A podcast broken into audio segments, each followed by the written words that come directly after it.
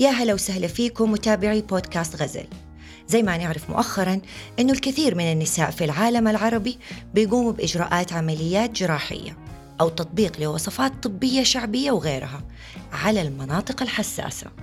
اليوم حنتكلم عن هذا الموضوع الحساس ومتى تحتاج المرأة للقيام بهذا النوع من العمليات؟ وهل في آثار جانبية لهذا النوع من العمليات؟ وإيش العلاقة بين الحمل والرضاعة؟ ودور ال social media في هذا الموضوع وبالطبع ما ننسى مدى ارتباطه بالثقافة الجنسية. اسمحوا لي أرحب بالدكتور أحمد البدر أول استشاري سعودي في جراحة تجميل وترميم المهبل والمسالك البولية النسائية. حصريا على منصة بوديو أكبر منصة بودكاست في العالم العربي.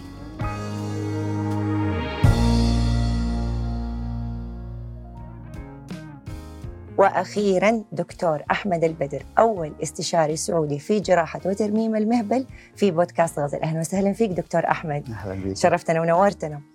دكتور أحمد في الحلقات السابقة درجناها خلينا نقول. فالحلقه اللي قبل قبل حلقة حلقة حضرتك كنا بنتكلم فيها عن الثقافة الجنسية بمفهومها والثقافة الجنسية في مجتمعنا. لكن برضو لفت نظري إنه في عندنا أو عند السيدات تحديدا في ثقافة جنسية محددة في موضوع الجراحات التجميلية. أبغاك تتكلم لي باستسهاب عن الموضوع ده. طيب آه شكرا للاستضافة شكرا للموضوع المهم هذا. آه إذا تبغين نتكلم استسهاب يبغى لنا يعني يمكن 10 حلقات. ما عندك ف... مشكلة أنا معك إذا تبغى حلقة واحدة حنتكلم. ما حن... يمكن ما نقدر نغطيه تماما. أوكي. آه خلينا نتكلم بصفة عامة. في يعني في اهتمام آه كبير في الناحية الجنسية واهتمام من ناحية كيف إصلاح الناحية الجنسية بصفة عامة. صحيح. وأعتقد ال social media زادت من الوضع بأنه الناس صار عندهم اطلاع أكثر وصار عندهم تواصل ويسمعوا تجارب غيرهم. صحيح. آه في مع إنه في أشياء صحيحة وفي معلومات مفيدة موجودة في ال social media آه من جانب آخر في معلومات مغلوطة وفي أشياء سيئة ولا أشياء بتعطي انطباعات خاطئة فالناس يحسبون هذا الشيء صحيح وهو غير صحيح ولا غير موجود ولا غير ممكن. زي إيه؟ آه في كثير من العلاقة يعني شيء أشياء لها علاقة بالعلاقه الجنسية مثلا بيشوفوها عن طريق مثلا الأفلام ولا ما إلى ذلك فيحسبوا انه هذا هو الطبيعي ولا م. هذا هو اللي المفروض يصير. صحيح. في الحقيقة مو هذا اللي صاير في الحقيقة. يعني زي لما بتشوفي مسلسل وتشوفي كيف طريقة الحب وكيف طريقة المدري إيش هذا مسلسل ومرتب وكذا. في الحياة الحقيقية ما بيكون نفس التفاصيل. صحيح. ففي ففي ناس لما بيعيشوا يقولوا طب ليش ما صار معي كذا؟ طب هذه هذا فيلم ومرتب وما إلى ذلك. آه فهذا من ناحيه جنسية، من ناحية تجميلية ناحية أخرى بيجوا بيقولوا إحنا نحب الناحيه التجميليه نبغى الشكل هذا ولا ليش مو شكل كذا؟ طب أنت بتقارني مثلا بموديل اختيرت مثلا من 100 شخص واختاروا هذا الشخص الموديل هذا وبعدين آه أتصور فيجي شخص يقول أنا أبغى أسوي كذا آه وهذه برضه شيء ثاني يقول طب إيش معنى؟ طب ليش هذا؟ ولا ليش الشخص المشهور؟ الشخص المشهور يمكن هذا انشهر بسبب إنه يعني هو بالشكل ده. بالشكل ده واختاروه وانشهر عشان الشكل ده. صحيح. فهذه هذه من الأشياء اللي هي يمكن يعني الأشياء السيئة للسوشيال ميديا اللي تعطي انطباعات خاطئة. صحيح. طيب يعني أفهم من كلامك الآن دكتور أحمد إنه التجميل أو الثقافة خلينا نقول الجنسية المجتمعية اللي صارت عند السيدات هنا عندنا صاروا يهتموا بالتجميل داخليا وخارجيا. خلينا نترك خارجيا على جنب خلينا نتكلم على داخليا هل فعلا لو السيدة قامت بإجراء مثل هذه العمليات أيا كان نوعها عند أي طبيب هل فعلا هذه العمليات ممكن تحفز أو تزيد عندها الرغبة الجنسية هربا من أنه هي ممكن يكون عندها برود جنسي؟ طيب هي العمليات بصفة عامة التجميلية تجرى لها شغلتين يا شيء تجميلي يعني شكل تجميل فقط للشكل okay. أو شيء تأهيلي عضوي طيب. يعني بيفيد يزيد أو يزيل مشكلة أو يصلح من مشكلة طيب. طيب. فالأشياء عادة الأشياء الداخلية زي تضييق المهبل مثلا okay. عادة تجرى للناس اللي يكون عندهم توسع في المهبل أوكي. بسبب ولادات وما إلى ذلك أو حتى الحمل بحد ذاته. بالتالي بيقل الاحتكاك وقت العلاقة الزوجية فبيصير بيقل الإحساس ولا المتعة.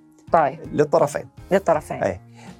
فعمليات زي عمليات التضييق المهبل بتعيد آه، زيادة الاحتكاك فبالتالي يصير بتزيد نتيجة يعني تصير نتيجة العملية الجنسية ممتعة أكثر آه، ممكن تزيد احتمالية أن الوحدة تقدر يعني توصل إلى إلى مرحلة النشوة. فهذا كشيء عملية جراحية كعملية جراحية بتساعد على زيادة ولا تحسن الإحساس. الإحساس أيوه وطبعا إحنا سوينا دراسة في دراسات خارجية أجريت أنا سويت دراسة محلية عن المرضى اللي أنا سويت لهم هذا اللي سويت لهم عمليات ترميمية وتجميلية وبينت أنه في تحسن في الجانب الوظيفي؟ الأداء الوظيفي الجنسي مع العمليات هذه التجميلية. يعني هي ممكن تكون حل ناجح وفعال. صحيح. طيب هذا بالنسبة خلينا نقول للعمليات اللي حضرتك بتعملها. لكن برضو دكتور من الثقافة أنا أنا جاي أقول لك اليوم الإشاعات اللي بتصير عندنا في المجتمع إحنا حقنا الستاتي إيش ممكن يقولوا؟ في مثلا برضو سيدات بتقول إنه في بعض الأطباء بيجي يقول لها آه، حقن ال filler في منطقة ال G-spot وطبعا في المقابل ليها من الناحية الخارجية. آه ممكن هذا برضو يحفز أو يزيد الرغبة الجنسية عنده. هل هذه المعلومة صحيحة أم خاطئة؟ طبعا هو هو ال G-spot هذه بحد ذاتها مختلف في وجودها أصلا. okay. فهل هي موجودة ولا لا؟ حقنها بمادة ال filler اللي يسموها ال G-shot ما في أي إثبات علمي إنها تفيد. ففي ناس كثير بيستخدموها ولا جربوها ما استفادوا وفي نسبة قليلة استخدموها قالوا حسينا بفرق. الآن من ناحية أخرى صار لها تطوير لشيء اسمه O-Shot.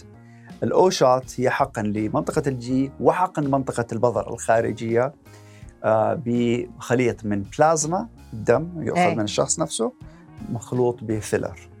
فهذه في دراسات مبنية عليها إنها بتزيد من الإحساس. فما فبتزيد من الإحساس بتزيد من المتعة بتزيد من النشوة. ولكن آه الشخص اللي عنده مثلا برود ولا عدم إحساس إيه. أصلا عادة ما بتفيد. يعني عادة كثير من المرات بيكون برود له سبب شيء له علاقة بال بال بالعقل الباطن النفسية. ما هو عادة ما هو شيء عضوي. قليل من المرات يكون شيء عضوي. يكون قلة هرمونات بعد آه، يعني توقف آه، السن توقف الطمث اللي هو بعد سن اليأس.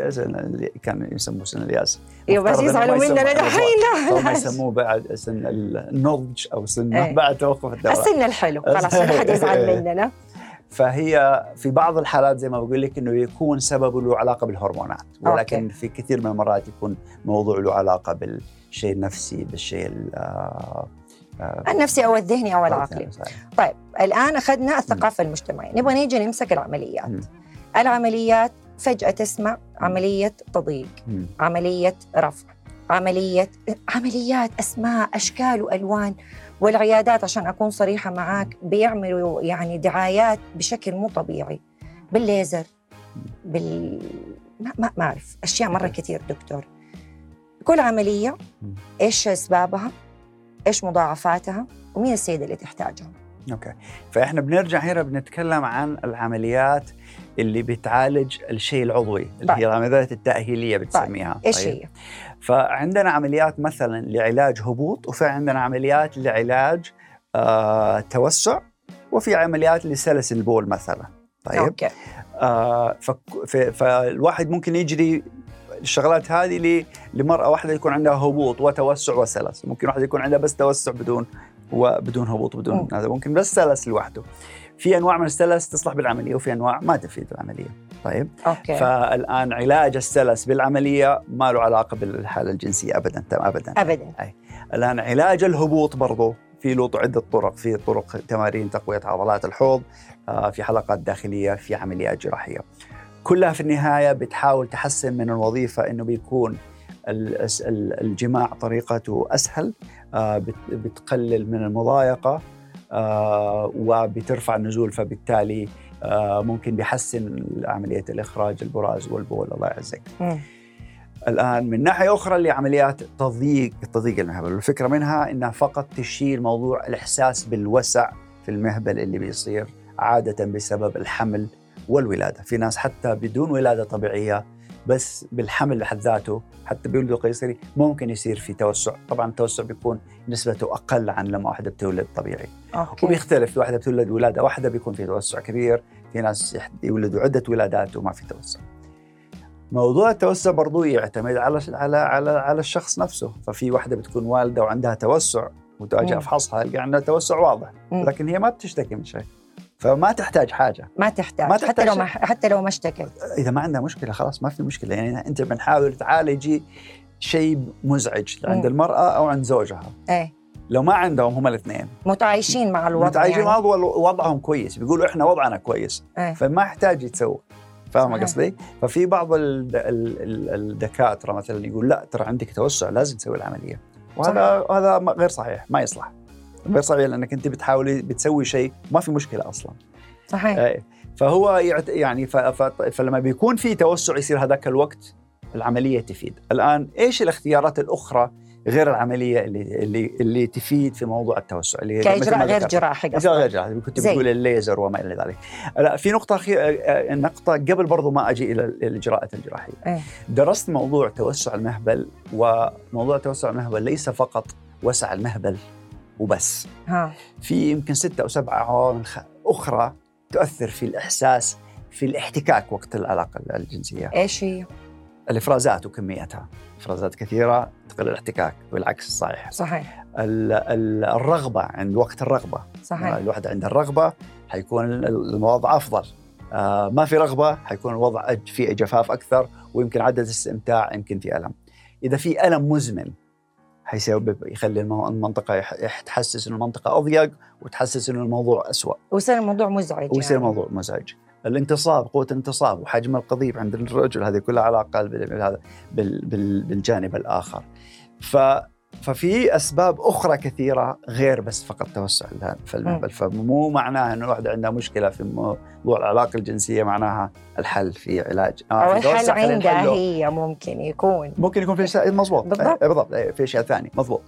ومو دائما الحل إنه نعالج التوسع وخلاص انحلت المشكلة الجنسية، لا في مشكلة تكون علاقة، في مشكلة علاقة بين زوجين. صحيح. آه ف وكثير من المرات أشوف هذه الشغلة يجوني عشان في مشكلة في العلاقة فتبغى تسوي عملية الترميم عشان تصلح العلاقة.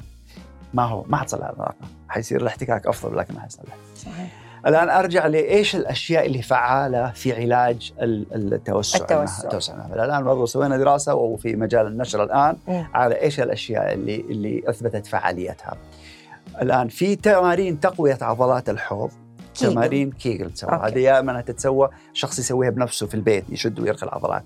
أوكي. يا إما يسويها عن طريق مساعدة حاجة أخرى زي في مثلا آه، في أشياء تحفيز كهربائي.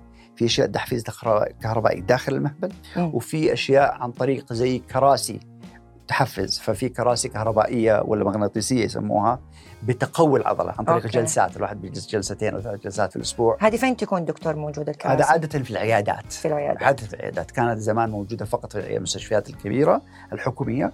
الآن مؤخرا خلال السنتين الماضية صارت موجودة حتى في عيادات خاصة كثيرة وفعالة في علاج آه، سلس البول هبوط والتوسع إلى حد بسيط. حلو. أي فهذه تمارين تقوية عضلات الحوض.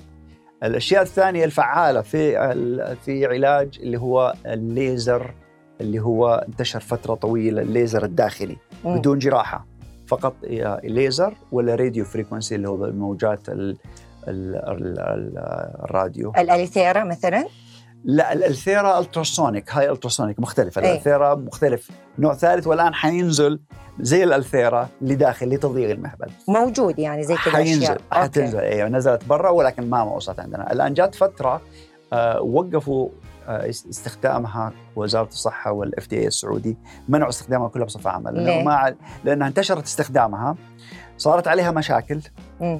وما في دراسات تثبت فعالية. المشاكل صارت من بسبب إيش؟ مم. بسبب إنه اللي بي بيسووها غير مدربين. فتيجي يجوا يشتروا من الجهاز من الشركة ويلا دربني كيف أسويه؟ أنا حسويه. ما هو طبيب نساء ما هو شيء واحد مدرب مو واحد عنده خبرة. صحيح. فبالتالي صارت مشاكل صارت حروق داخلية صارت فصارت مشاكل كثيرة. فبالتالي قالوا وقفوا. صار في FDA الأمريكي سوى منع أول شيء في 2018 أعتقد. okay. وبعدين عدة هيئات مختلفة ومن ضمنها السعودية كمان. فقالوا ما ترجع مرة ثانية إلا لما تصير في إثباتات. الآن بدأت الشركات الآن تبين إثباتات وتعيد تسجيلها. فالآن اللي هو زي الليزر الداخلي بيعطي نسبة تضييق تقريبا حدود يمكن 20 30% نسبة قليلة ولكن تعتبر مقبولة. طيب, طيب. اي فتعطي نسبة قليلة من التضييق. ولكن من جهة أخرى برضو إحنا ما إحنا عارفين مشاكلها على المدى البعيد. أنا مثلا برضو نشرت بحث على مرضى كان عندهم لما جينا نبغى نسوي لهم عملية الترميم. بعد ما سووا ليزر عدة مرات لقينا الانسجه تتهتك بسهولة. وصار النسيج جدا قاسي. فهل لو مثلا وصلوا مرحلة سن الانقطاع الطمث مثلا هل المهبل حيصير مرة جاف وشديد مثلا؟ هل مثلا لو حملت ولدت حيهتك المهبل ففي شغلات لسه ما إحنا عارفينها عن هذه الشغلات أوكي. آه، فيعني ما أعتقد إنه في مشكلة كبيرة ولكن أعتقد لو جات ال ال يعني سمحوا فيها هيئة الغذاء والدواء السعودي م. وأعتقد انها حتكون من الشغلات اللي فعالة إلى حد بسيط. م. والعملية الجراحية طبعا هي الأفضل هي أفضل عمليه حاجة. عملية من غير الليزر اي عملية جراحية عملية قص وخياطة هذه هي طبعا اللي أثبتت فعاليتها في وتعطي نتيجة ممتازه ممتاز. أيه. طيب أنا عندي استفسار لأنه تو حضرتك بتتكلم مم. وأنا سبق عملت لقاء آه تابع لجمعية رفيدة كنا لأنه طبعا جمعية رفيدة همها الأول والأساسي والمهم يعني مم. الاهتمام بصحة المرأة الجنسية والإنجابية نعم. فكنت عاملة لقاء مع برضه طبيبة نساء ولاده كانت بتقول دكتور وهذا اللي خلاني ألفت نظري إنه العمليات اللي بتصير بالليزر هي ما تعمل حاجة هي مجرد إنها تحرق من جوا فتعمل التليفات دي اللي هي وقت الحرق. عشان كده بعد ما بيعملوها بيقول للسيدة ممنوع العلاقة الزوجية ممنوع إنك تعملي أي حاجة ألين ما تخف الحروق دي أو تخف التليفات. وبعدين لما ترجع السيدة تستأنف نشاطها الجنسي حتحس إنه أوكي أنا صرت مثلا أضيق أو صرت كده بس هو مجرد إنهم حرقوها صح؟ هو هو هو طبعا في في ثلاث أنواع من الأجهزة اللي يسموها ال energy based اللي هي بتسوي تضييق مم. عن طريق جهاز بدون قص بدون خياطه okay الليزر واحد okay. الثاني ال radio frequency والثالث اللي هو ultrasonic high ultrasonic زي الألثيرا okay. ولكن في الالثيرا نفسها ما تسوي ولكن في أجهزة أخرى لسه إلى الآن ما جات في السعودية فكل واحدة بتسوي يعني بتأثر على الأنسجة لسمك معين الليزر أقل سمك ال radio frequency سمك أكثر وال وال ultrasonic سمك أعلى. اي فكل واحدة بتدخل إلى إلى إلى عمق أكثر فبالتالي بتح... بت... بتسوي زي تسخين للأنسجة فبتعيد بني الكولاجين. هذه هذه النظرية من الموضوع. أي. فتزيد فيعيد بني الكولاجين فبالتالي الكولاجين يصير أقوى بتصير المنطقة أضيق هذه هي الفكرة في الموضوع أيه. ولكن من جهة أخرى ممكن بتصير حروق أحيانا مم. بتصير أشياء مشاكل يعني قد تسبب تسبب مشاكل أكبر في إيه، إذا تسوت بطريقة سيئة إذا ما تسوت عن طريق ناس مختصين وعارفين إيش بيسووا. مو هذه المشكلة دكتور مم. أحمد يعني كل مين صار بيعمل دعايات ويلا والناس كلها بتنطلق وبتهجم مع العروض اللي بتصير. صح مزبوط وهذا اللي صار وأعتقد هذه المشكلة الكبيرة اللي أدت إلى إنه سحبها وإيقافها حتى في أمريكا هذا اللي صار. إنه صاروا اللي بيقدموها حتى ما هم مؤهلين طبيا مم. في كوفيرا. أوبا. أيوه أيوه. الجهاز خلينا نجيبه. خلينا نسويه في هذا أي أحد واحدة تيجي يعني اللي هو واحدة حتى ما هي ممرضة. إيه. نعلمها كيف تسوي الجهاز وتسويه. آه ممرضة مثلا. الممرضه طبعا المفترض إنها ما تسوي المفروض تحت إشراف طبي. والمفروض الطبيب يكون كمان طبيب نساء. صحيح. ففي ناس غير مختصين في النساء صاروا يقولوا أوكي ما دام إنه موجود الجهاز وش حقون الشركة قالوا لنا سهل استخدامه خلينا نستخدمه. فهذه كلها من الأشياء اللي بصفة عامة في المجال الطبي لما تستخدم حاجة. بالنفس ما هو بطريقتها؟ بتدخل نفسك في مشاكل فبتأثر على سمعة المنتج نفسه. صحيح. المنتج يمكن يكون مقبول. صحيح. فالليزر هذه واحدة من الأشياء كنا بنقول. في أشياء ثانية طبعا كثير بيتكلموا عنها إنها بتفيد التضييق, التضييق. أعشاب كريمات آه, آه، ففي أشياء كثيرة آه ولكن للأسف ما في شيء أثبت فعاليته. في حبوب ما أدري إيش كريمات بيقولوا كمان دكتور صح؟ صح مزبوط إيه أنا أقول لك في أشياء كثيرة بيتكلموا عنها. بيتكلموا عن إنه أنا أنا مؤخرا بدأت أطالع أشوف موضوع الأعشاب وفعاليتها آه في في أشياء مختلفة. واحدة منها كانوا بيتكلموا عن المرة مثلا بيتكلموا عن القشر الرمان إنه بيضيق.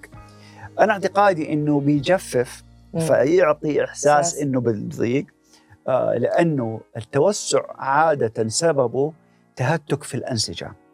والأنسجة ما حترجع تلتئم مرة ثانية إلا عن طريق شيء جراحي مم. يعني شيء انقطع وبعد عن بعده آه، بعيد مم. ما تقدر تحط عشبه تقولي حيرجع يلصق مرة ثانية ما هو ممكن صح. إلا إذا كانوا في وقتها صح. وقتها الجرح نفسه ورجع التئم خلاص هذاك الوقت ولكن بعد ما يلتئم الجرح وفي دراسة كمان سووها مؤخرا آه نشرت قبل يمكن سنة ولا شيء كانت برضو بينت هل التم... هل الجراحة ولا شيء آخر؟ قالوا إنه ما في شيء ثاني غير الجراحة يفيد اللي هو التوسع الواضح لما يكون في تهتك واضح. دكتور أحمد أنا لو حقول لك إيش الستات ممكن ينصحوا بعض وكل واحدة تيجي تقول للثانية استخدمي وأشربي؟ مو بس أشياء موضوعية تنحط يعني في المنطقة الحساسة لدى المرأة لا في أشياء كمان نشربها. آه كركم. حضرتك قلت قشر رمان عسل سكر نبات بيلسان لبن زبادي بيكربونات الصوديوم عشان التضييق. نعم. مسكت راسك ولا لسه؟ ولا ولا لسه لا أنا ماسك راسي من زمان لأني سامع. فإيش رأيك في الأشياء دي والخلطات دي؟ الخلطات بصفة عامة في كل حاجة آه بتلخبط في العلاج. يعني أحد مثلا عنده ضغط وياخذ خلطة عشر أشياء يمكن يشتغل حاجة يمكن ما يشتغل حاجة بس ما هو صح. ما. هو صح يستخدم خلطات في أي حاجة. الآن أنا بديت أشتغل على الأعشاب ولا أدرس على أفهم بعض الأعشاب. آه يعني زي ما أقول لك بديت البيلسان مثلا البيلسان في دراسات على إنه بيساعد على التئام الجروح بيقلل من التهاب الجرح مثلا ولكن okay. ما بيفيد في أشياء ثانية يمكن بيجفف شوية بيطهر المكان ولكن هل المكان يحتاج تطهير؟ ما أعرف أوكي فاهم قصدي؟ في اللي عندها مثلا توسع تقول أنا أبغى استخدم يحطوا بيلسان مع مدري إيش مع مدري إيش طب خلطة بصفة عامة استخدام خلطات ما ينصح فيه بصفة عامة في كل حاجة صحيح أي. آه زي كأنك بتاخذي أدوية بدل ما تاخذي دواء واحد شغله واحد يحطي كم دواء. طب لو واحد لو دواء اشتغل طب أنت أي واحد فيهم اللي اشتغل؟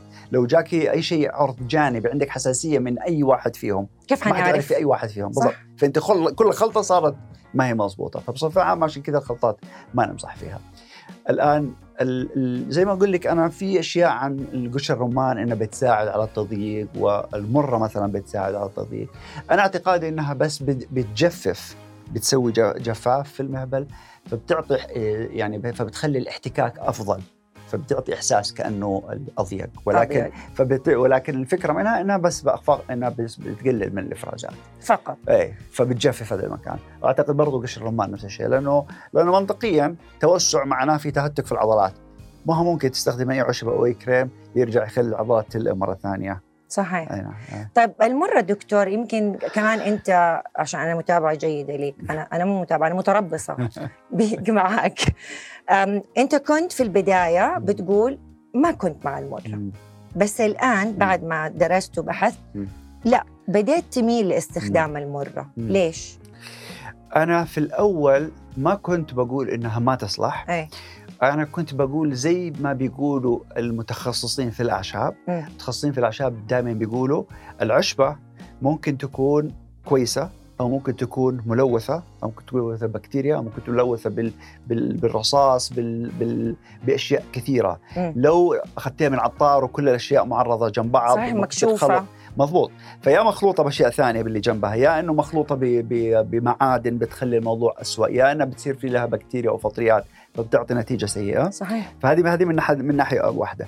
من ناحية أخرى للأسف هو ما كان في دراسات كثيرة حتى إحنا ندرسها كأطباء يقول لك العشبه الفلانية تصلح. م. حتى العسل العسل. ما كنا نعرف في دراسات إنه يصلح. مؤخرا في دراسات عن العسل إنه بتساعد على التئام الجرح. في الناس اللي عندهم اللي هم يسمون بيد سورز اللي هم المقعدين ولا اللي بيتمدوا بيكونوا على السرير طول وقتهم بيصير لهم جروح. العسل صاروا يستخدموا العسل كعلاج وأثبت فعاليته فمن هذا المنطلق أنا بديت عندي وقت فاضي الفترة الماضية فقاعد يعني بقرأ وكذا. فلقيت إنه المرة فيها كم دراسة عليها في فعالية في أشياء يعني زي التئام الجرح التهابات المهبل المتكررة وما إلى ذلك. الآن نرجع مرة ثانية. إيش الكونسنتريشن ولا إيش التركيز اللي هو فعال؟ إنك تحطي شيء تستخدمي تركيز زيادة ممكن يسبب مشكلة. صحيح. ممكن يسبب تهيج ولا حساسية. تستخدمي جرعة أقل يمكن ما تستفيدي. صح. فممكن تستخدمي تقولي ما منه فائده أو واحد يستخدم يقول سبب لي حساسية وسبب لي مشكلة. صحيح. فهي هذه هذه النقطة اللي الآن أنا برضو قاعد أحاول أشوف يعني أقرأ عنها وكذا. وهذه الفكرة من أنا قاعد أنزل بوستات على الإنستغرام بقول إنه الشغله هذه أثبتت فعاليتها ولا هذه الشغلة ما منها لسه ما في دراسات تثبت فعاليتها وما إلى ذلك. طيب. برضه خلاص حقول لك آخر حاجة مم. الستات بيعملوها مم. وليش بيعملوها مم. وقول لي إذا صح ولا غلط مم. في برضه بعض السيدات ينصحوا بعض بتقول لها مثلا بعد موضوع الدورة بعد ما تخلص منك الدورة استخدمي سكر النبات سكر النبات يسحب وينظف كل الأشياء اللي موجودة في الرحم هل هذه المعلومة صحيحة أم خاطئة؟ في أشياء مختلفة بيستخدموها يقولوا بعد الدورة عشان تنظف المكان إيه؟ مختلف سكر نبات ولا غيره في أشياء كثيرة آه، إيش الفكرة نبغى ننظف المكان؟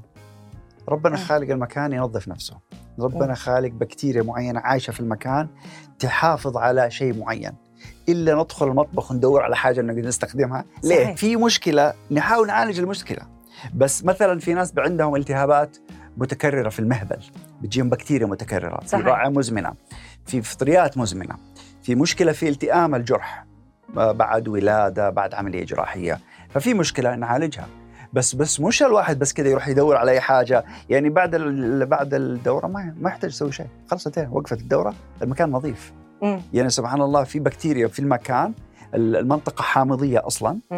وفي بكتيريا عايشة في المكان آه تنظف المكان وتخليه يعني آه معقم. okay. فاستخدامك لحاجة ثانية يعني بس بتربكي الشيء الطبيعي اللي في الجسم في تياري كمان برضو دكتور موضوع حكاية حمضي وقلوي مم. موضوع بيكربونات الصوديوم لها علاقة في الأشياء دي يعني مثلا إحنا غيرنا حاجة من مم. حاجة أو غيرنا طبيعة المهبل في شيء ولما استخدمنا بيكربونات الصوديوم شوف أنا ما أعرف بس أنا أديك طرف الموضوع إيه. وأنت خش في حاجة حمضي وقلوي أتذكر هو هو المهبل حامضي okay. طيب أقل من يعني درجة الحموضة فيه أقل من سبعة طيب؟ okay. اللي فوق سبعة يعتبر قلوي طيب؟ okay. فبصفة عامة المفترض إنه ما نستخدم شيء قلوي على أساس إنه حيخر حيغير حموضة المهبل. صحيح. تغير حموضة المهبل بتكثر البكتيريا الطبيعية اللي بتحمي المهبل. مم. فاللي بتحمي المهبل معناها بتحمي المثانة من التهاب البول بتحمي المهبل من التهابات وما إلى ذلك. صحيح. إيه. طيب خلينا ما دام ذكرنا آه الله يكرمك البول. آه كثير سيدات ممكن من بعد ولادة واحدة دكتور. آه، بتعاني من موضوع سلس البول وفي برضه موضوع سلس البول عند الجماع. هل العمليات اللي حضرتك بتعملها أو السيدة ممكن تعملها لمثلا رفع أو هبوط المهبل آه، أو مثلا توسع المهبل ممكن تعالج السلس حق البول ده وقت الجماع؟ في سلس البول أنواع. طيب في سلس بول نسميه سلس بول جهدي في سلس بول إلحاحي في سلس بول مستمر وفي خليط يكون من, من أنواع مختلفة. العمليات الجراحية اللي بتفيد اللي هي بتفيد فقط سلس البول الجهدي اللي هو سببه الولادة وتكون تهتك في الأنسجة فبيسبب سلس البول وهو البول اللي بيصير مع الكحة والعطاس والضحك ومع الضغط حتى وقت صحيح. الجماع بيصير وقت الضغط فقط يعني مع كل ضغطة بينزل نقطة. نقطة. غير عن سلس البول اللي بيصير لما الواحدة تكون مستعجل الحمام وينزل البول قبل ما توصل الحمام هذا سلس بول الحاحي مختلف مم. تماما. ما له علاقة لا بهبوط ولا بتهاب. هذا ما يتعالج. علاجه مختلف. مختلف. أي مش عملية جراحية. فالسلس البول اللي بيصير برضه وقت الجماع اللي بيكون مثلا في وحدة وقت النشوة في النهاية بتفضل مثانة تماما مثلا. أي. آه فهذا برضه هذا يسميه سلس بول إلحاحي مش سلس بول آه جهدي. يعني فعلاجه برضه مختلف تماما. طيب هذا بالنسبة لعلاج سلس البول. فهي حتعالج سلس البول ممكن إذا إذا أنعملت بطريقة صحيحة. طيب السمنة دورها في إجراء مثل هذه العمليات. السمنة تساعد على آه، مشاكل الحوض بصفة عامة فتزيد من احتمالية هبوط الأعضاء الحوض وتزيد من مشكلة سلس البول. تنقيص الوزن بيعالج اللي عنده سلس بول نقص وزنه ممكن يتحسن موضوع سلس البول آه برضه بيحافظ على إنه الهبوط ما يزيد. فإن الواحد يكون وزن زايد ويحاول يخفضه برضه بيساعد إنه إنه يحمي نفسه إنه ما تصير مشكلة مستقبلا. آه، جميل. نعم. طيب حقن البلازما والخلايا الجذعيه في بعض العيادات بتقول إنه آه، حقن البلازما والخلايا الجذعية خارجيا للمنطقة الحساسة. زي كيف لما بتعمل على الوجه لو حقنت بشرتك بلازما أو خلايا جذعية إنه توريد تفتيح آه، نضارة. وفي نفس الوقت برضو داخليا بيقولوا بيجدد الخلايا اللي موجودة داخل المهبل. فبحيث إنه مثلا لو كنت بتعاني من التهابات زايدة أو إفرازات زايدة ممكن تحسن لك هي. إيش رأيك في الإشاعات؟ أنا خايف الدكتور يمسك راسه والله العظيم. لا لا. شوفي هو في في شغلتين. الخلايا الجذعية ما في أي إثبات علمي إنها لها أي فعالية في في المنطقة هذه ابدا. ابدا. إيه. واصلا الخلايا الجذعية ما هي بالسهولة إنه الواحد يلقاها. إيه؟ يعني الواحد لازم يأخذها من مكان ويح... يعني عشان ينتجها ما هي بالسهولة. okay. وما في دليل إنها في دراسات عليها إنها ممكن الواحد يحقن خلايا جذعيه ممكن تساعد على علاج سلس البول مثلا. ولكن لسه ما في إثبات علمي إنها لها أي فائده. من جهة أخرى البلازما شيء مختلف، البلازما يؤخذ من دم الشخص نفسه فبأخذ الدم من عندي بفصل كرات الدم عن البلازما بأخذ البلازما يا بحقنها لوحدها يا بخلطها ب مادة filler. ففي كذا شيء بيجي جاهز في شوية hyaluronic acid اللي هو ال filler وتحطي عليه البلازما وهذا اللي بيستخدموه في إبر النضارة أو في إبر مثلا اللي هي ال O-Shot اللي بتحقن منطقة البظر ومنطقة الجدار الأمامي على أساس تزيد من إحساس المنطقة. فالاستخدام البلازما المخلوطة بال filler في دراسات عليها وأثبتت فعاليتها في عدة شغلات. الشغلة الأولى اللي هو ال O-Shot في الإحساس تزيد من إحساس منطقة البظر. okay. فتزيد من حساسية منطقة البظر تصير حساس أكثر عشان للعلاقة الجنسية. آه الشيء الثاني الناس اللي عندهم جفاف مهبلي بسبب انقطاع الدورة بيّن إنه بيساعد يحل هذه المشكلة كترطيب تعطي ترطيب آه أيوه ترطيب تقلل من الجفاف آه فهذه شغلتين الشغلة الثالثة كتوريد خارجي للمكان لما بيحقن الجلد هي بيسوي زي زي زي ال filler يعني بيسوي كأنه نفخ بسيط. صح. فلما بيتنفخ نفخ بسيط بتعطي لون وردي شوية بقل التجعدات شوية فبيسوي بما معناه نضارة. آه الآن ما في إثبات علمي إنه البلازما له فائده من جد. إيه. ولكن مخلطها مع ال filler آه بيعطي شوية نظارة. فقط خارجيا. خارجيا. داخليا بس موضوع اللي هو الجفاف المهبل اللي هو اثبتت فعاليته. جميل آه. جدا. طيب دكتور أحمد في وقت ما أنا كنت جالسة ببحث وبقرأ لقيت إنه في آه ترميم جدار المهبل الأمامي ترميم جدار المهبل الخلفي آه عملية التضييق. إيش الفرق بين الأمامي جدار المهبل الأمامي والخلفي؟ الجدار الأمامي اللي هو اللي أمامه المثانة اللي هو الأمام المهبل. مهبل زي أنبوب طويل. أوكي. في في الأمام في مثانة. وفي الخلف في مستقيم إيه؟ وفي الأعلى في الرحم. فلما بيقول أمامي على أساس إنه بيكون في هبوط في الجدار الأمامي فبنصلح الجدار الأمامي. الجدار الخلفي بنصلحه لما يكون في هبوط في الجدار الخلفي إيه؟ أو في توسع عملية للترميم للتضييق عادة بنسويها عن طريق الجدار الخلفي. الجدار الخلفي. اي بالضبط نعم النتائج حقت العملية دي بعد قديش تظهر؟ وهل كل السيدات اللي بيجوك دكتور أحمد فعلا بعد ما تعمل عملية بتوصل لل target اللي هي تبغاه كثير من الناس بي بيستفيدوا من العملية، إذا كان عشان هبوط نسبة جدا كبيرة يلقوا فرق واضح، يعني. أكثر من 90 95% يلقوا الفرق مرة واضح عن قبل إلى بعد، يعني. إحساس إنه شيء بارز، تحسن إخراج البراز بيتحسن مرة كثير إذا كان في هبوط. okay. إذا كان في توسع حسب الدراسة اللي سويناها في نسبة تحسن يمكن 80 تس... آه، عفوا حدود 80 إلى 90%. طيب؟ okay. آه، أعتقد إنه اللي ما بيتحسنوا يكون عندهم expectation آه، مختلف. عندهم م. متوقعين إنه هذه حتغير حياتهم الجنسية كلها. بالضبط. متوقعين إنه حتحسن زي ما قلنا علاقته بالزوج. متوقعين حاجة ثانية ما هو منطقية. متوقعين؟ إنه إنه حتصيروا خلص حيصيروا زوجهم حيحبه. إيه. إيه. عشان سويت العملية. هذه الثقافة الجنسية الخاطئة اللي عندنا للأسف. مزبوط مزبوط في ثقافات كثيرة منتشرة عندنا أيه؟ وداية وكثير تجيني أسئلة. ليش ليش؟ ليش تجيني الزوجه تجيني واحدة تقول لي زوجي زعلان يقول لي ليش انت لما بتخلصي ما بتنزلي زي باقي الحريم؟ م. الحريم أغلبهم ما ينزل ولكن طبعا ثقافة الرجل هنا أخذها من مشاهدات من الأفلام من ما إلى ذلك. ففي ثقافات للأسف سيئة أعطى معلومات خاطئة وبالتالي أثرت على على على الزوجة. فيعني كثير من الزوجات برضو من كثير من النساء ما بيخلصوا من الجماع الداخلي. يعني في دراسات عالمية إنه دراسات يعني إنه نسبة النساء بيخلصوا ولا يوصلوا النشوه عادة من تحفيز البظر مش من العلاقه الجنسية الداخلية.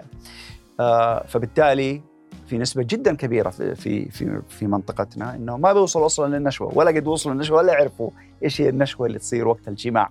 صحيح. بسبب إنه مع عدم معرفتهم إنه لازم يصير في تحفيز البظر وقت العلاقه الجنسيه ففي في شيء في الثقافات اللي عندنا للأسف بتخلي بتعطي أشياء عكسية واحيانا توقعات يمكن من الزوج عن زوجته وبالتالي آه، يعني يصير في زعل يصير في آه، آه، أشياء يعني بتهد العائله صحيح. حتى. لأنه أغلب السيدات دكتور اللي بتيجي تبي تعمل عمليه هي تقول لك هدفها الأول والأساس إنه أنا أبغى أرضي زوجي بحيث إنه أكون مناسبة أو متوافقة مع كل توقعاته.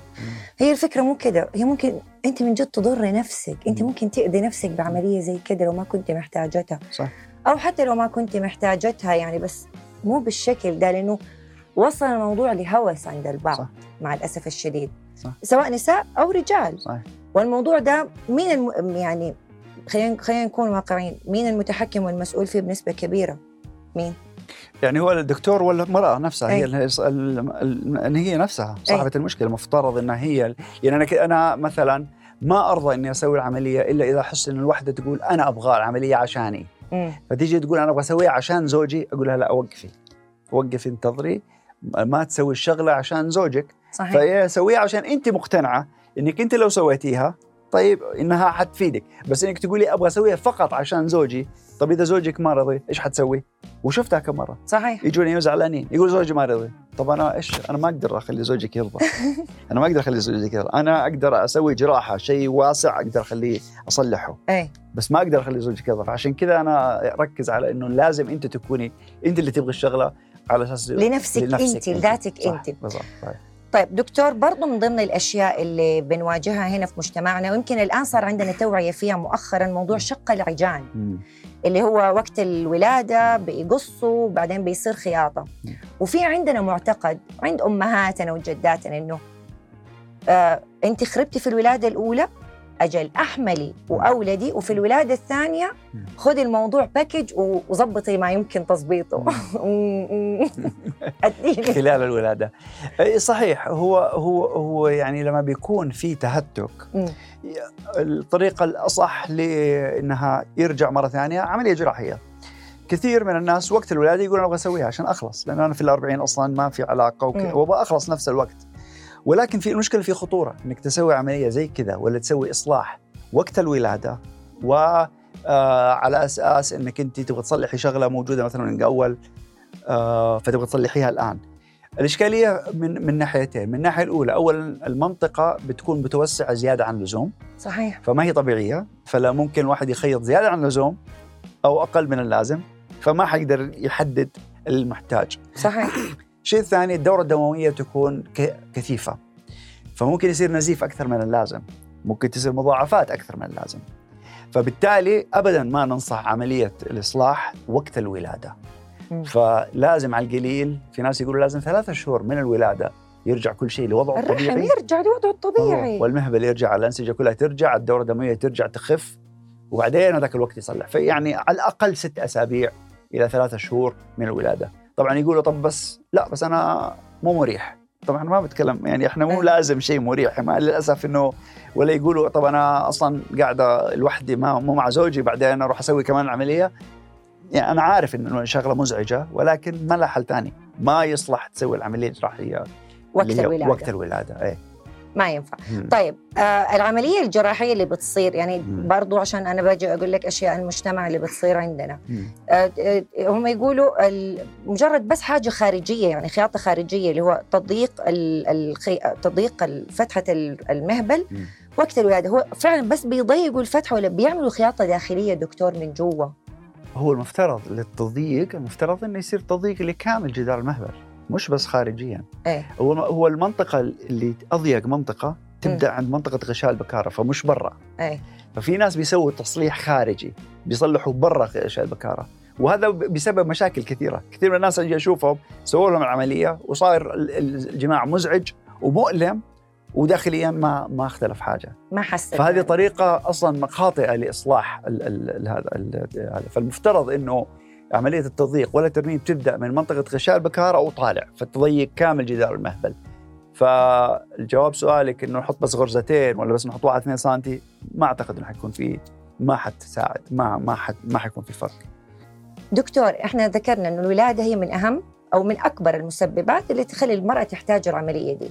طيب في عندي برضو كذا حاجة استفسار في موضوع الولاده. واحدة مثلا ولادتها متعسرة ما ولدت على طول. هل هذا السبب إنه يخلي الرحم عندها يهبط؟ يصير فيه هبوط؟ يعني الهبوط بصفة عامة ممكن يكون رحم ممكن ما يكون رحم ممكن يكون مثانة أو يعني جدار أمامي أو الخلفي أو توسع بدون هبوط كامل. يعني ال ال الأشياء اللي تزيد احتمالية التهتك اللي م. بالتالي اللي يصير معاه هبوط جدار أمامي ولا خلفي ولا توسع. الولادة بح... إذا ولادة مثلا متعسرة إذا طفل كبير جنين مثلا أكثر من 4 كيلو إذا استخدام الملقط أو الشفط مثلا إذا ولادة مطوله فترة طويلة هذه كلها تزيد من الاحتمالية. تزيد. وطبعا في أشياء اللي هي جينات. في ناس اللي هم البشرة الأبيض أي. يكون احتماليه تكون أكثر يكون معهم هبوط أكثر من البشرة الغامقه صحيح. الاحتمالية. نعم. طيب آه الطلق الصناعي هل برضه ممكن يسبب هبوط ولا لا؟ لا ما له علاقة. ما له علاقة.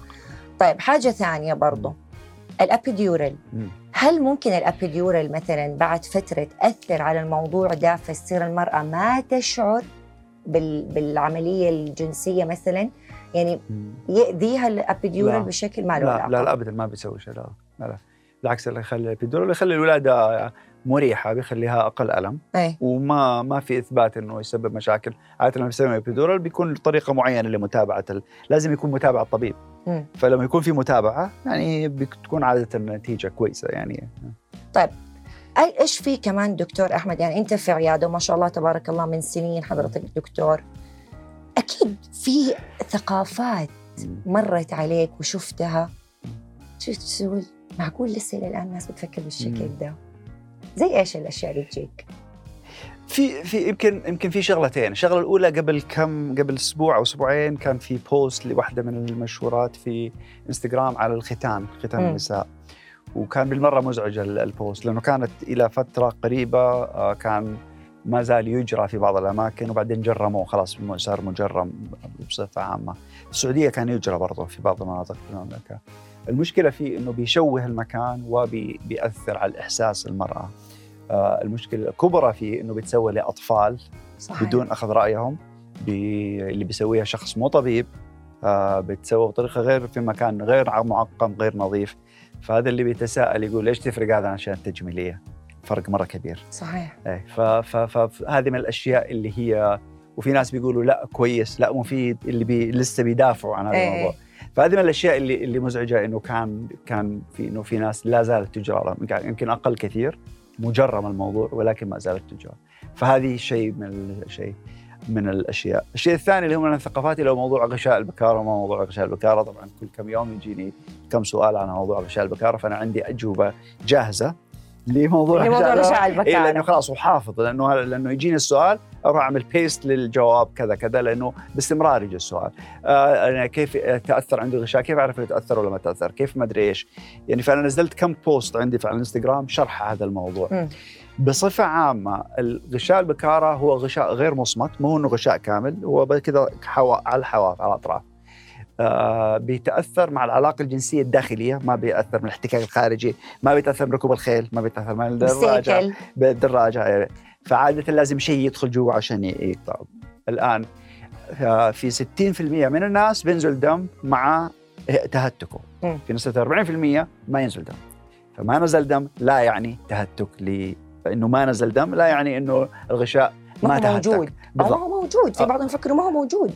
بالضبط. اي بالضبط. هو موجود ولكن يختلف شكله أصلا من شكل فيعني عندنا هوس في حكاية الغشاء. م. كيف شكله موجود ولا غير موجود تأثر ولا ما تأثر. إذا صار شيء داخلي علاقة داخلية ونزل دم غالبا تأثر. فما يحتاج تقعد تسال طب أنا كيف أعرف ولا كيف ما أعرف كيف ما أدري. ما يحتاج أحد يروح لدكتور وما يحتاج. يعني الموضوع صاير يعني نبغى نجي عشان نكشف نشوف موجود ولا غير موجود. طيب وبعدين؟ طيب فهل يمكن سؤال آخر هل ممكن يرجعوا إذا صار له هاتك؟ الغشاء للأسف شيء مرة خفيف ولا يمكن يرجعوا ففي ناس يسووا تضييق مكان منطقة الغشاء. يعني بس يضيقوه على أساس إنه آه يزيد من احتمالية إنه ينزل دم مع أول علاقة. ولكن هذا ما يرجع الغشاء. ما يرجع. ما ممكن يرجع. فما في عمليات هذا. ففي كثير تلقي إعلانات عن نجري لكم عملية غشاء البكارة ما أدري إيش. أو في آه منتجات آه غشاء البكارة الصيني غشاء البكارة ما أدري إيش تستخدمها عشان تعيد غشاء البكارة. ما في شيء ما, ما. إيه. يضحكوا على يضحكوا على الستات إنه نرجعكم بنات. بالضبط اي اي فما يعني كلها أشياء يعني بيلعبوا على الحس على حاجة الناس في هذا الموضوع. ف كلمة أخيرة دكتور أحمد البدري يوجهها للسيدات عندنا في مجتمعنا. أنا اللي اللي أبغى أقوله إنه إذا بتسوي إجراء طبي كل إجراء طبي له فائدة وله أضرار جانبية. آه، أضرار جانبية ما نقدر نضمن تحدث مع مين. آه، فبصفة عامة إنه الواحدة تيجي تقول أنا إيش يصلح لي؟ ولا نتسوق في الأشياء الطبية؟ إيه؟ ما هو صحيح ما هو كويس. صح. فما يصلح التسوق ما نروح المول نقول طيب إيش في شيء جديد؟ إيش دكتور إيش عندك آخر عملية أيوة. تعملها؟ إيش آخر هذا؟ أنا من جد دكتور يجيك أحد كذا أيه. أمانة. إي والله. أيه. تجيك تقول لك إيش آخر عملية إيه لا إيش إيش ممكن أسوي؟ إيش يصلح لي؟ أوه هذه شايفة نفسها طفشانة وقالت أجي أمر. اي أي كثير. كثير اي okay. أنا أنا يعني أنا ما ما يعني مو إنه قاعد يعني أتريق عليهم ولا شيء. وطبعا أنا يسعدني ويزيد دخلي ولكن ما هو صح بس لمصلحتها في الأخير؟ بالضبط إيه. فمو صح إنه الشخص يجي يدور يقول إيش في شيء هذا. صحيح. الشخص يجي يقول أنا خشمي كبير ومضايقني إيش ممكن أسوي له؟ مرة واضح بهذا. فيصير هذاك الوقت تقول أوكي عندك ممكن تسوي تصغير له كذا ممكن كذا ممكن كذا. آه عندي ترهل في المنطقة الفلانية. إيش ممكن أسوي له؟ مم. فيصير أنا ممكن أنصح بواحد اثنين ثلاثة بس آه يجوا ويقولوا شوف أنت إيش يحتاج يتسوى خصوصا إنه حاجة وظيفية خاصة جدا. بالضبط ما حد يعرفها. بالضبط اي نفس الشيء بيجي عندي أنا ما أعرف أنت شوف إيش فيه يحتاج توسع ولا ما عندي ولا ما أدري إيش. ما يصلح ما يعني أنت شوفي في شيء مضايقك روحي سويه لأنه أنا ممكن أسوي هذا ولا سمح الله توقعي في مثلا تروحي طبيب مثلا غير مؤهل ولا صحيح. ولا ولا دكتور مثلا مؤهل وكمان ممكن تصير مضاعفات. مضاعفات شيء طبي ممكن يصير مع أي أحد. صحيح. فممكن لا سمح الله تصير مضاعفات معك أنت أو نتيجة ما تكون مرضية. فتكوني سويتي الشيء ودخلتي يعني في مشكلة أكبر. صحيح. إيه، فيعني لا تسوي الشيء إلا إذا تكوني حاسة إنه هذا الشيء مزعجك مضايقك يصير آه توجهي. دكتور أحمد البدر الحديث معك لا يمل وأكيد الأكيد الأكيد إنه في حلقات ثانية حضرتك حتكون فيها ضيف معي في بودكاست غزة. شرفتني ونورتني. شرف لي وشكرا جزيلا الاستضافه وما والله يحييكم مرة ثانية إن شاء الله يا بإذن الله دكتور شكرا لك. سلمك الله. أهلا وسهلا. أتعرفنا اليوم على الكثير من المعلومات حول العمليات الجراحية النسائية وحتى على بعض الوصفات الشعبية اللي بيطبقوها بعض السيدات. هل هي مفيدة بالفعل أم أنها مجرد عادات طبية شعبية؟ وكمان عرفنا عن رأي العلم والطب فيها. أشكر ضيفي الدكتور أحمد البدر. أخيرا حبي جسمك مثل ما هو وتقبليه وخليكي سعيدة فيه وما يهمك الناس. هذا جسمك حافظي عليه. كانت معكم غزل بري من بودكاست غزل على منصة بوديو.